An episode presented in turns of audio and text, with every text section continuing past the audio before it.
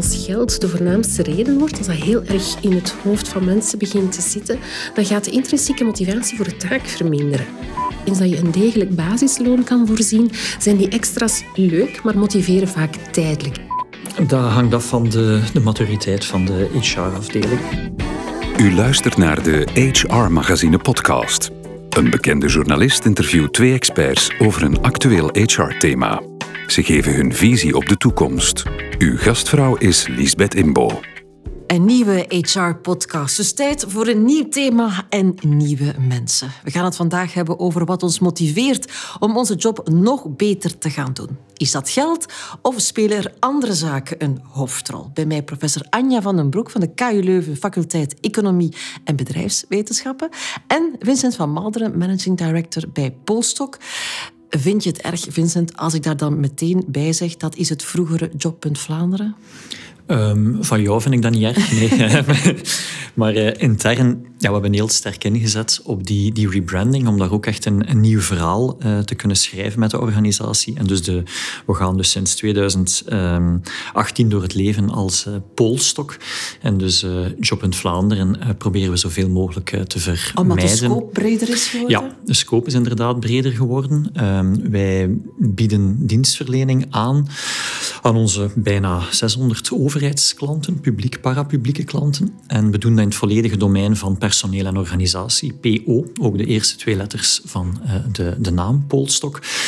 Um, en dat gaat van um, selectieprocedures over coachingtrajecten tot change management trajecten tot um, verloningsbeleid, waarover ja. we het vandaag gaan hebben, et cetera. Dus, ja. en op zich zijn wij vooral een wij maken de match tussen private dienstverleners in HR en PNO. En die werken onder onze vlag en die bieden wij aan aan onze klanten. Ja. Dat is heel kort samengevat. We zullen het inderdaad hebben hè, over uh, jobverloning. Um, dan denkt iedereen inderdaad dat is een hele goede motivator voor je job. Als je goed, als je goed je boterham verdient, dan ga je je extra inzetten. Is het zo simpel, professor? Goed je boterham verdienen is natuurlijk ja, een heel duidelijke functie van werk. Daarom gaan we werken bij de bakker. Kan ik ook niet betalen met een knuffel. Maar dat is niet de enige functie die werk heeft. We zien er ook onze collega's. Eh, bijvoorbeeld in COVID hebben we dan gemerkt dat dat veel minder is, waar we dan toch wel wat last van kregen. Maar het helpt ook ons om onze doelen te bereiken, om bij te dragen aan een groter geheel. Dus het heeft veel meer motiverende impact dan ja. alleen dat loon. Ja.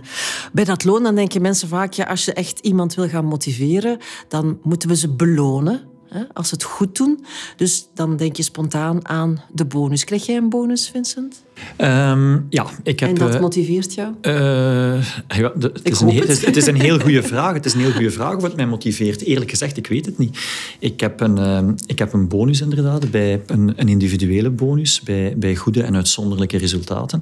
En voor de medewerkers in de organisatie hebben we een groepsbonus.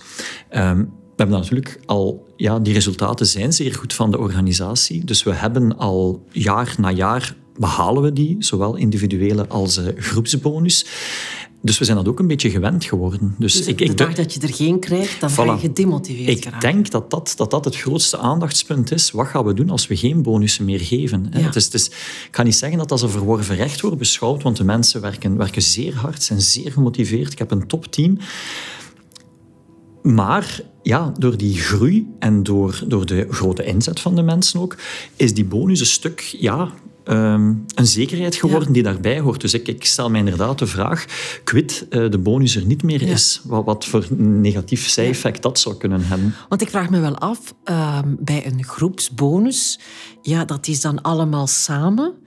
Dat kan, denk ik, maar u bent de professional, zowel uh, versterkend werken, maar misschien ook verdelend. Want moest Anja beter haar best doen, dan zou onze bonus misschien ook beter kunnen zijn. Ja, het is een heel complex proces. Hè. Dus in de eerste plaats, bonussen hebben twee um, functies, motiverende functies. Enerzijds laat het ons competent voelen, zoals Vincent zegt, in tijden van groei. We hebben allemaal hard gewerkt. Hier is de bonus, hè, dat is echt een, een, uh, een pluim op je hoed. Dat is echt tien van de juf van vroeger. Voilà, absoluut. En de sticker erbij. Ja. hè. Maar anderzijds merken we ook van, kijk, als geld de voornaamste reden wordt, als dat heel erg in het hoofd van mensen begint te zitten, dan gaat de intrinsieke motivatie voor de taak verminderen. En dat is natuurlijk wel een probleem. Als je het alleen nog maar doet om die bonus te bereiken, als die in je hoofd het belangrijkste is om jou van dag tot dag te gaan motiveren, werkt dat eigenlijk demotiverend. En dat zien we dan vooral wanneer dat de bonus wegvalt. De initiële motivatie die er was, valt weg als ook de bonus wegvalt. Want dat wordt dan misschien bijna ervaren als een soort straf. Absoluut. Hè? En zeker in teamcontexten, waarin dat er heel veel factoren zijn die kunnen meespelen, valt dat competentiegevoel een beetje weg. Inderdaad, hè? Eén, iemand van ons had misschien beter zijn of haar best kunnen doen, waardoor dat we die bonus wel eh, hadden kunnen bereiken.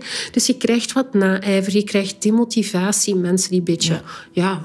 Wat zegt u dan eigenlijk, als we dan al een bonus doen, doe het dan individueel en net niet in groep? Of... Ik denk dat het heel belangrijk is om die team, teamdynamieken mee te nemen en ook te kijken naar alternatieve manieren van belonen. Dus misschien kan je het geld dat je anders in bonussen steekt wel bijvoorbeeld gebruiken om mensen verder te laten ontwikkelen, om een extra collega aan te nemen om de werkdruk te verlagen. Dat zijn alternatieven Ja. die je kan overwegen. Je hebt natuurlijk ook het omgekeerde. Ik ken iemand die vroeger bij een bank werkte, bonussen kreeg als hij grote klanten binnenreef. Werkt nu bij een andere bank waar dat niet zo is. Die is super gedemotiveerd, want het doet er niet toe of ik voor 1 miljoen klanten binnenhaal of voor 100.000 euro klanten binnenhaal. Dus het werkt toch langs twee kanten. Ik denk dat eh, het, het is, eh, wat Anja ook net zei, het is die, die doelstelling zelf die heel belangrijk is. Hè. Ehm, en of daar nu een bonus tegen staat of niet, je moet erkend worden voor het behalen van een doelstelling. En idealiter een doelstelling die ook zelf wat kan vormgeven. Dat vind ik net het, wel de interessante oefening aan de, de groepsbonus die wij eh, eh, doen voor het personeel van Polstok. Is dat dat je als, als management ook... ehm, verplicht om die teamdoelstellingen zeer duidelijk te formuleren, zeer helder, zeer meetbaar. En, en dat daar een bonus tegenover staat, des te beter, dat is leuk. Iedereen heeft een, een mooi extraatje op het einde van het jaar. Maar het gaat vooral ook van die dynamiek dat je creëert. En ik, ik, ik snap wat je zegt, hè, daar, dat, dat daar teamdynamiek in, in meespeelt, sowieso. Maar aan de andere kant heb je wel zo het gevoel van, met ganse team gaan we weer voor dit jaar. En we zetten daar samen onze, onze schouders onder. Wat mij bijvoorbeeld bij de laatste, ooit zei eens een collega van, ja, ik... eh, ja, maar voor die, die groepsbonus te behalen, ik, ik heb niet het gevoel dat ik daar sterk op weeg. Ik denk dat iemand was die meer in de boekhouding werkte, dacht ik. Van, ik heb niet het gevoel dat ik daar eh, echt op weeg, dat, dat de organisatie meer omzet creëert. En ik, voor mij was dat ook een soort signaal van, oei, ehm, Uiteraard weeg jij daar sterk op, maar het is mijn rol en het is management hun rol om dat te gaan verduidelijken wat iemand bijdraagt. En dat kan je, je kan uiteraard, hè, facturen die tijdig worden betaald, een, een vlot proces, tuurlijk draagt dat bij tot klantvriendelijkheid en tot, tot een grotere omzet. Dus dat vind ik wel het interessante, maar dan zit je echt op die doelstellingen. Hè. Ja. Want dat is misschien wel heel belangrijk, inderdaad. Als het dan al een kleinere bonus wordt of geen bonus wordt, of waarom ik een kleinere krijg hè, dan mijn collega, dat dat op zijn minst goed uitgelegd geraakt. Dat er transparantie is, criteria, bijna meetbaarheid. Absoluut. Hè. Dus je wil zoveel mogelijk subjectiviteit eh, vermijden. En je wil dat mensen enerzijds het gevoel hebben dat ze een eerlijk deel van de koek krijgen. En als niet iedereen een even groot deel van de taart kan krijgen, een even grote auto, hè, dat komt vaak wel voor, dat je dan duidelijke procedures hebt waarlangs dat die eh, verloningen of beloningen Is verdeeld het ook goed worden. dat ik weet wat jouw bonus is en wat de bonus van Vincent is? Moet je daar zo transparant in zijn? Je moet transparant zijn over de regels. Want er zijn wel experimenten geweest waarbij dat bijvoorbeeld de topmanagers hun lonen bekendgemaakt werden. En men dacht van, god, dan gaan die mensen misschien een beetje eh, bescheidener zijn en met elkaar vergelijken en denken, goh, ik krijg toch best wel veel, ook in vergelijking met wat mijn medewerkers krijgen. Maar dat experiment had compleet het omgekeerde effect, waarbij dat topmanagers zich vooral met elkaar gingen vergelijken en het een wedijver werd En van dat ze ook hoger. zoveel moesten Absoluut. Ja. ja. Nu, ehm, je hebt natuurlijk veel ervaring ook met overheid. Ambtenaren bijvoorbeeld, ja, die krijgen doorgaans geen bonussen. Eh, dus je krijgt die toch ook gemotiveerd. Hoe werkt het dan daar? Ja, ik denk dat dat ehm, in, in, in het voorbereiden van de podcast heb ik daar ook over lopen nadenken. Ik denk dat dat ook een enorme troef kan zijn van de overheid, die misschien niet zoveel in de verf wordt gezet. Dat is dat daar heel veel transparantie over verloning is en over andere systemen. In theorie bijna een voorspelbaarheid. Een ambtenaar kan, kan bijna zeggen, als ik die stappen zet, kom ik binnen x aantal jaar, zelfs met de gezinssituatie in rekening gebracht, op dat niveau uit. Dus er is een grote voorspelbaarheid, een grote duidelijkheid. En ik denk dat we daar tegemoet komen aan iets wat, um, maar de professor moet mij tegenspreken als het niet zo is. Um, iemand had mij ooit gezegd, op zich doet het er niet zo toe of je heel veel meer uh, verloont dan soortgelijke functies in de privé of zo. dat heeft natuurlijk een impact, je moet goed verlonen. Maar of dat nu zeer veel hoger is of minder, op zich, die impact is beperkter. Je moet zien dat er interne billijkheid is. Dat ik denk dat dat net een zeer een negatief effect kan zijn als je niet transparant bent over, over de lonen. En iemand heeft het gevoel dat een collega die hetzelfde werk doet, of misschien minder werk doet, een hogere verloning heeft. En, en dat zijn zaken die in een private context is daar veel minder transparantie over. Er is zoiets als loononderhandelingen ook. Eh, dus er spelen andere factoren mee. beter in dan de andere. En dat ook. Maar dat, dat vind ik absoluut. Als iemand beter is, kan je ook meer verlonen als het opnieuw transparant is. Maar daar heeft de overheid een groot voordeel dat dat zeer transparant is. Wat niet wil zeggen dat een ambtenaar geen stappen kan zetten. Iemand die beter functioneert, kan sneller promotie maken, gaat in een hogere loonschaal komen, dus dat kan verder. Maar het is wel zeer duidelijk. Hè. Je weet absoluut van, in deze rol weet ik ook wat mijn collega verdient. En ik denk dat dat, dat, dat een ja. troef kan zijn. Ja. Misschien is dat misschien een misschien nog grotere motivator. Het feit inderdaad dat je kan stappen zetten dat je kan evolueren in je job. Is dat misschien nog belangrijker dan hoeveel je dan daaraan overhoudt? Ja, loon is een heel belangrijke aantrekkingsfactor. Ik ga uh, naar een andere job als ik daar meer kan verdienen. Dat is heel erg duidelijk, opnieuw. Hè. Uh, en je moet als werkgever ook zorgen dat uh, geld van de tafel ehm, verdwijnt. Dat mensen daar niet continu mee bezig zijn. Dat ze genoeg verdienen om rond te komen, bijvoorbeeld. Dat zijn heel belangrijke factoren. Maar eens dat is opgelost, eens dat je een degelijk basisloon kan voorzien, zijn die extra's leuk, maar motiveren vaak tijdelijk. Het is zo'n een, een lottery-effect van ik ga me even eventjes heel um, erg blij voelen wanneer ik die bonus heb gekregen, maar dat gevoel blijft geen maanden duren. Hè, zeker niet tot aan de volgende bonus.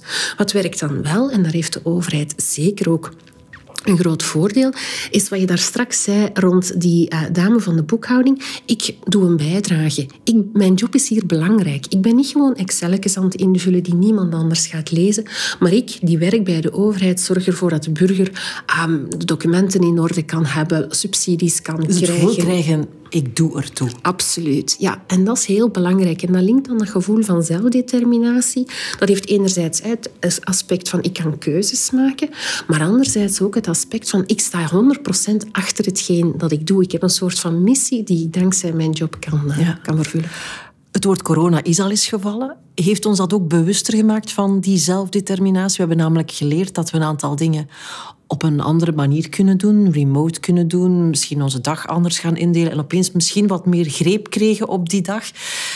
Is dat behouden ook iets wat motiverend werd, namelijk het feit dat ik mijn job moet doen, dat werk moet gedaan hebben tegen vrijdag 14 uur, maar dat ik dat voor een stuk zelf kan invullen. Dat is zeker een belangrijke factor. Hè. En bij het uh, telewerk zeker ook het feit dat we ons leven makkelijker kunnen inrichten. Ik kan de kinderen van school gaan halen, ik kan op tijd bij mijn hobby's geraken, ik kan misschien een oude hobby terug oppikken, omdat ik zoveel van thuis mag werken. En ja, dat heen en weer reizen, dat pendelen, wat heel stresserend en tijdsconsumerend is, valt weg. Um, dus dat heeft zeker voordelen. En ja, thuis kunnen werken heeft, geeft wel wat keuzes. Misschien de combinatie kunnen maken thuiswerken, kantoorwerken. Als daar ook keuzes kunnen ingebouwd worden, rekening houden natuurlijk met de andere collega's, ja. kan dat zeker een motiverende ja. impact hebben. Dat is misschien niet altijd zo evident, want ja, mijn wishlist is misschien niet jouw wishlist. Mm -hmm. Nee, dat, dat zal ook zo zijn. Daar zit zeker een individualiteit in. Ik zou er even verder op willen inpikken op het voorgaande um, rond die, uh, die doelstelling en dat hoger doel. Hè. Dat, dat, dat, dat ook motiveert en voldoening kan geven. Hè. Er wordt heel vaak gesproken, mijn zinziens, veel te veel over purpose. Hè. De, de, het, het, het hogere doel van een organisatie. En ik vind dat um, overheden die hebben een echte purpose. Ik vind, ik ga nu... Ja, ik, ik, ga, eerlijk zijn, ik erger mij daaraan, nu met de, de crisis in Oekraïne, hoe heel veel bedrijven daarop springen. Bijna ook met Black Lives, Matter had je dat ook. Met zo, uh, het is nu vandaag dag van antiracisme, en dan zo heel veel bedrijven springen daarop alsof dat zij zo, kijk, onze purpose is ook dat, terwijl dat je weet, is dat zo? Ik weet dat niet. Ik denk dat meer soms wat branding is. Een overheid die kan dat echt waarmaken en maakt dat ook echt waar. Als je ziet nu de, de, het, het managen van, de, van de, de vluchtelingencrisis uit Oekraïne, hoe lokale besturen daar een ongelooflijke snelle rol in spelen, maar ook met COVID het opzetten van die vaccinatiecentra, de vrijwilligers daar rond, gans die organisatie, dat is purpose. En zeg je dan dat motiveert ja, die medewerker absoluut. om deel uit te maken van absoluut, dat verhaal? Absoluut. Ja. En ik denk, denk dat hier opnieuw een grote troef ligt uh, voor overheden om dat verhaal heel waarachtig, geen verkoopspraat, maar heel waarachtig te brengen. Ja. Dat, dat is motiverend. En mensen kiezen... Er zijn echt profielen uh, die kiezen voor die... Uh, die, die duidelijke purpose, die, die duidelijke meerwaarde die ze kunnen doen, los met een billijke, goede verloning, maar dat hoeft dan meer dan ook niet... Uh, ja. Allee, dat maar hoe vertaal je dat dan naar de privé? Want er is nog altijd meer privé dan overheid. Ja, dat klopt. En pleit absoluut niet dat iedereen uh, ambtenaar of zo zou moeten... Uh, we moeten niet naar, naar Russische toestanden, maar... Uh, wat zou voor ja. jou dan... Wat is dan hè, want we hebben het gehad over ja. zelf je, je, taken kunnen invullen, die, die, die autonomie. Is dat het dan? Of zie je andere dingen die crucialer zijn? Ja, ik denk noem een kat een kat. Hè. Voor wat staat het bedrijf in de privé? Wat, wat, wat, doen jullie echt? Wat willen jullie echt? Zijn heel duidelijk in die doelstellingen van de organisatie. Die teamdoelstellingen, individuele doelstellingen. En wederom komen we daar op het verhaal. Als dat voor die medewerker heel duidelijk is, dit wordt van mij verwacht. Hier word ik op mijn competentie aangesproken. Ik ben, ik ben goed met Excel-tabel en ik kan dat hier bewijzen in die job. Dat gaat voldoening geven. Daar zitten we echt op intrinsieke motivatie, het ABC-model. Uh, die, die verbondenheid voelen met de doelstellingen, verbondenheid met het team um, en die autonomie. En dat ja. zelf kunnen vormgeven. En ik denk, als je daar, of dat nu overheid of privé is, als je, als je daar een, een HR-beleid rond kunt vormen, dan, dan ja. heb je een sterke motivator te pakken. Maar hoe spoor je dat altijd? Want ja, mijn intrinsieke doelen kunnen misschien anders zijn dan het groeipad dat het bedrijf voor ogen heeft of de kansen die er zijn. Het kan wel zijn dat er in mij ook een hele goede uh, floor manager zit, maar er zit nu eenmaal al een hele goede floor manager. Hoe, hoe, hoe ga je met die verwachtingen ook om, hè, die natuurlijk een deel van je motivatie zijn, want ik wil doorgroeien naar dit of dat? Ik denk dat er een verschil moet gemaakt worden tussen twee verschillende doelen. Hè. Zoals Vincent zegt, kijk, kunnen bijdragen tot het echte doel van de organisatie. En dan gaat het niet over wij doen mee aan de kom op tegen kanker, maar wij zorgen ervoor dat er energie komt bij de mensen thuis bijvoorbeeld. Dus kijken naar uw meerwaarde als bedrijf. Maar dat echt in activiteiten van het bedrijf te gaan zoeken in plaats van allerlei extra dingen. Die zijn mooi, mogen gebeuren, moeten gebeuren, absoluut. Maar dag na dag motiveert mensen de inhoud van een job wat ze aan het doen zijn. En als ik u hoor spreken over de doelen, hè, bijvoorbeeld ja, floor manager worden, dat is wat wij in de literatuur noemen een meer uh, materialistisch doel, een extrinsiek doel. Ik wil carrière maken, ik wil hogerop, ik wil meer status. Terwijl dat het net zo kan goed... ook inhoudelijk zijn, hè? daarom niet... Ja, je wilt die job omdat je die misschien ook interessanter vindt. En dat is uh, het cruciale. Hè? Welke elementen in die job spreken jou heel erg aan?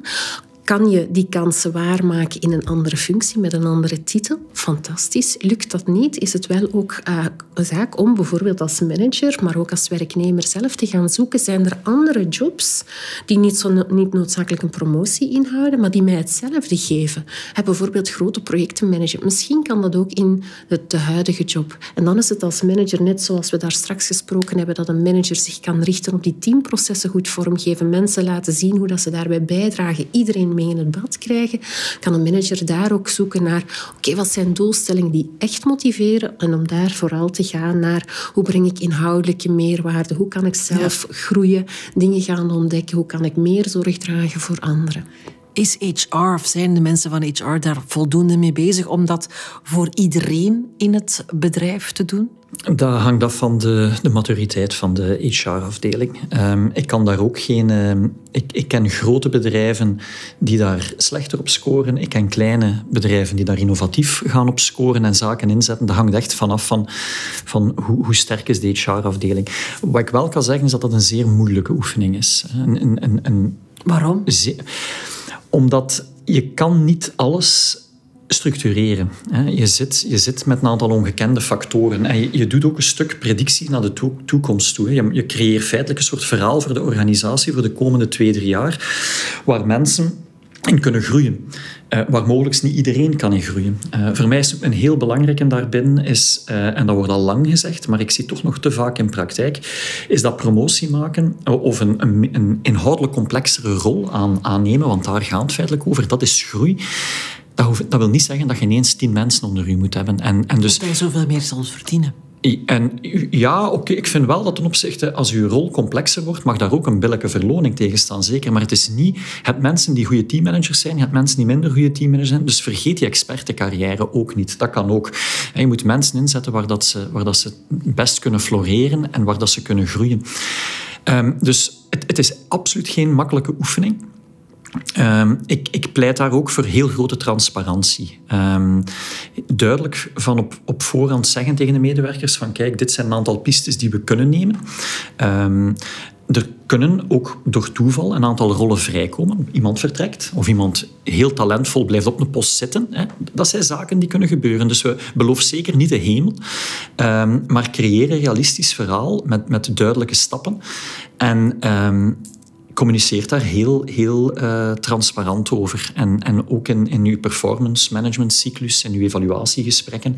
Wacht daar niet mee om dat ene keer op het einde van het jaar te doen, maar zit daar continu mee bezig. Je weet waar mensen naartoe willen, wat je maar kan aanbieden en probeert daar een match te vinden. Dat lijkt me wel zo'n beetje om, om af te ronden, uh, professor, wat ik constant hoor terugkomen is inderdaad... Um, zorg dat, dat zowel de, de werkgever, de HR-verantwoordelijke, als de werknemer... dat die op, op dezelfde lijnen geraken, dat die dezelfde taal spreken en dat die elkaar echt verstaan. En dus ja, transparant, eerlijk, niets beloven. Dat is, de communicatie is eigenlijk super essentieel in heel dit verhaal. Ja, absoluut. En echt met elkaar in gesprek gaan. Hè. En dat gaat niet alleen door uh, bedrijfs-e-mails uit te sturen naar iedereen. Dat gaat ook over mensen echt persoonlijk leren kennen. En dat is absoluut geen evidentie om alleen te dragen door de HR-afdeling. Daar komt heel de organisatie bij kijken, ook leidinggevende. En uh, wat ik ook heel belangrijk vind in het hele promotieverhaal is waar loopt het mis wanneer dat, als ik als floormanager meer gewaardeerd zou worden dan als gewone tussen aanhalingstekens werknemer. Dus als je een goed promotiebeleid wil voeren waar iedereen zich goed bij voelt, dat inderdaad afhankelijk is van een aantal toevalsfactoren, zorg er dan voor dat in de dagdagelijkse werking van een organisatie iedereen zich gewaardeerd voelt. Mhm. En dat zit hem vaak in hele kleine dingen. Hè. Krijgt iemand een privébureau of niet? Ah, moet iemand het clean desk principe toepassen? Ja, dan nee. Laat dat voor iedereen gelden. Als de ene privileges heeft die niet noodzakelijk noodzakelijk zijn voor het uitvoeren van de rol, dan moet je je de vraag stellen van is dit wel nodig? Want dat creëert juist de stress, het gevoel van ongenoegen, veel meer dan wat iemand op zijn loonbriefje zou hebben staan. Ja, dat is inderdaad een hele mooie om mee af te ronden. Mag ik jullie allebei hartelijk danken om langs te komen en u uiteraard om helemaal tot het einde te luisteren naar deze HR-podcast. Tot de volgende.